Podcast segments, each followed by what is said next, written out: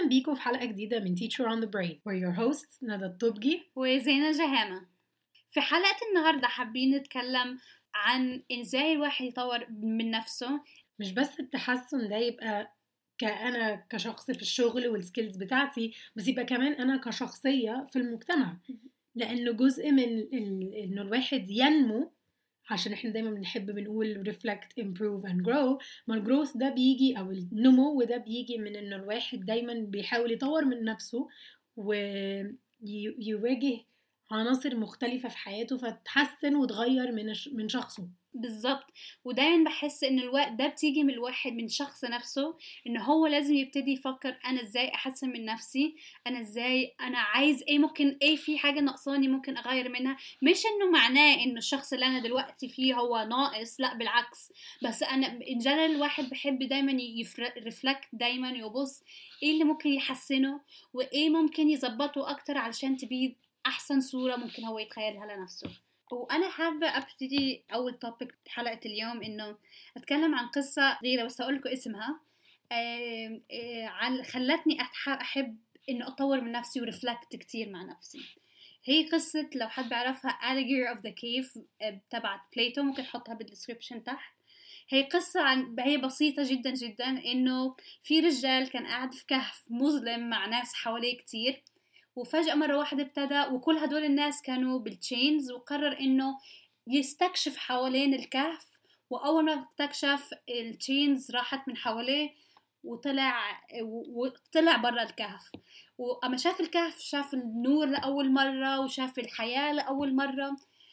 طبعا هاي قصة مختصرة جدا جدا هي أعمق من هيك بس يعني الخلاصة اللي أنا حباكم تطلع منها إنه هي فعلا ال development بطلعك من الظلمات إلى النور فعلا. يعني بحس بطلعك من حال لحال وهذا بالنسبة لي خلاني ت seek أكتر ال development التطوير في حد ذاته ما يبقاش متهيأليش يبقى إن أنا بتطور الحاجات العملية. هي الهدف إن أنا لو أنا ما طورتش من شخصيتي أو ما طورتش من نفسي ده هيأثر على كل حاجة تانية أنا ممكن أتعلمها. بالظبط.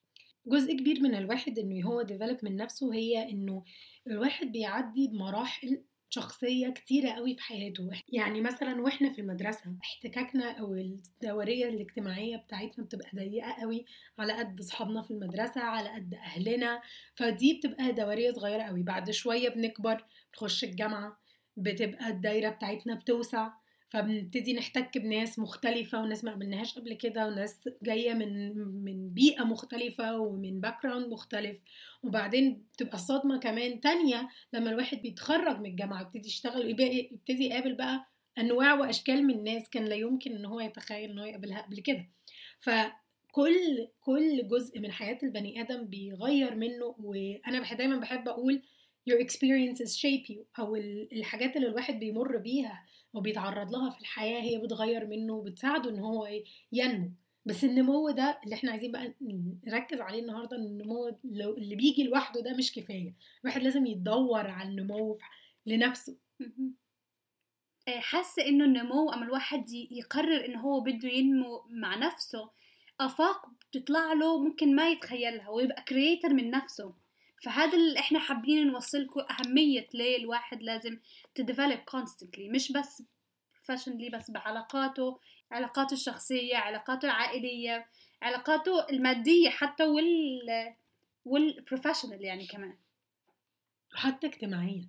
يعني حتى الطريقة اللي هيتعامل بيها مع ناس. ما هو انت لما الواحد بيكبر وبيعدي بالفيزز أو بالمراحل المختلفة اللي أنا كنت بتكلم عليها من شوية دي بيبقى الهدف إنه انت بتقابلي ناس والناس دي بتغير منك والطريقة اللي انت بتتعاملي بيها مع نفسك أو الطريقة اللي انت بتتعاملي بيها مع الناس اللي حواليكي فمهم قوي إنه مش بس ده هيأثر علينا اجتماعيا ده هيأثر علينا في مهنيا وفي كل الحاجات التانية اللي انت بقى ذكرتيها من شوية. أنا بالنسبة لي جزء من إن الواحد ينمو أو ينمي من شخصيته بتبقى إن أنا أشتغل على الحاجات اللي أنا مش مش فكرة إن أنا حاساها نواقص بس في في كده فكرة عامة إن الواحد بيجي على نفسه عشان يمشي مع بقية المجتمع. وده مش صح أو غلط بس هو ساعات الواحد بيبقى مش كل الناس مناسب بالنسبة لهم الفكرة دي. حاجة عن حاجة بتختلف تجربة عن تجربة بتخلي إحنا تجربتنا مختلف يعني أنا وأنتي كل واحد فينا تجربة التدريس بالنسبة له عدت بمرحلة مختلفة تماما. أنا كان لا يمكن إن أنا أفتكر في يوم من الأيام إن أنا هشتغل مدرسة. ومع ذلك لما اشتغلت مدرسة اكتشفت إن دي حاجة أنا لقيت نفسي فيها وطورت من شخصيتي بشكل مختلف تماما. أنا كنت شخصية تانية قبل التدريس يعني بشكل هو اللي يعرفني ما مش مش هيعرفني. اللي كان يعرفني مش هيعرفني. عشان كده نرجع زي ما قلت انت في اوليه الحلقة إنه it's very important إنك أنت ت reflect. يعني انت لولا ما أخدتي step back عشان مع التدريس انت دايما constantly انت من سنة لسنة انت reflecting فانت لولا ما كنتيش reflect ما كنتيش تعرفي هلا إيه ده أنا إيه اللي حصل معايا؟ You wouldn't have seen that change. انت ما كنت تقدري تشوفيه. طبعا. أنا أنا فرقت معايا قوي الموضوع ده لأن أنا قدرت إن أنا مش بس اعمل reflection هي ال reflection كان أهميتها إن أنا قدرت أعمل focus أو أحط النور أكتر على الحاجات اللي أنا محتاجاها أكتر من أي حاجة تانية. وابتدى إنه كل بقى المخاوف اللي كانت عندي قبل كده تختفي ورا إن أنا بقيت مركزة أكتر في الحاجات اللي أنا محتاجاها أكتر من أي حاجة تانية. وحتى الواحد لما يشوف يعني إنه يشوف مش ناقصه بس يغير مفهومه يقول أنا محتاج أعمل كذا. حتى إحساسه وهو بيعمل إشي مختلف. يعني مثلا زي زي ما انت حكيتي أنا مش مش هبص مثلا أنا كان دايما عندي خوف إنه خطي في ال board كتير كتير كتير وحش. فكنت دايما عندي خوف من إني أكون أطلع على ال board وأكتب. هلأ عشان شايفة إنه لأ أنا ممكن طب okay ده عندي مشكلة فيه. أنا محتاجة بقى انه أشوف resources أكتر ممكن تساعدني أقلل الحوار ده. ف... فهو مش إنه أنا الغلط.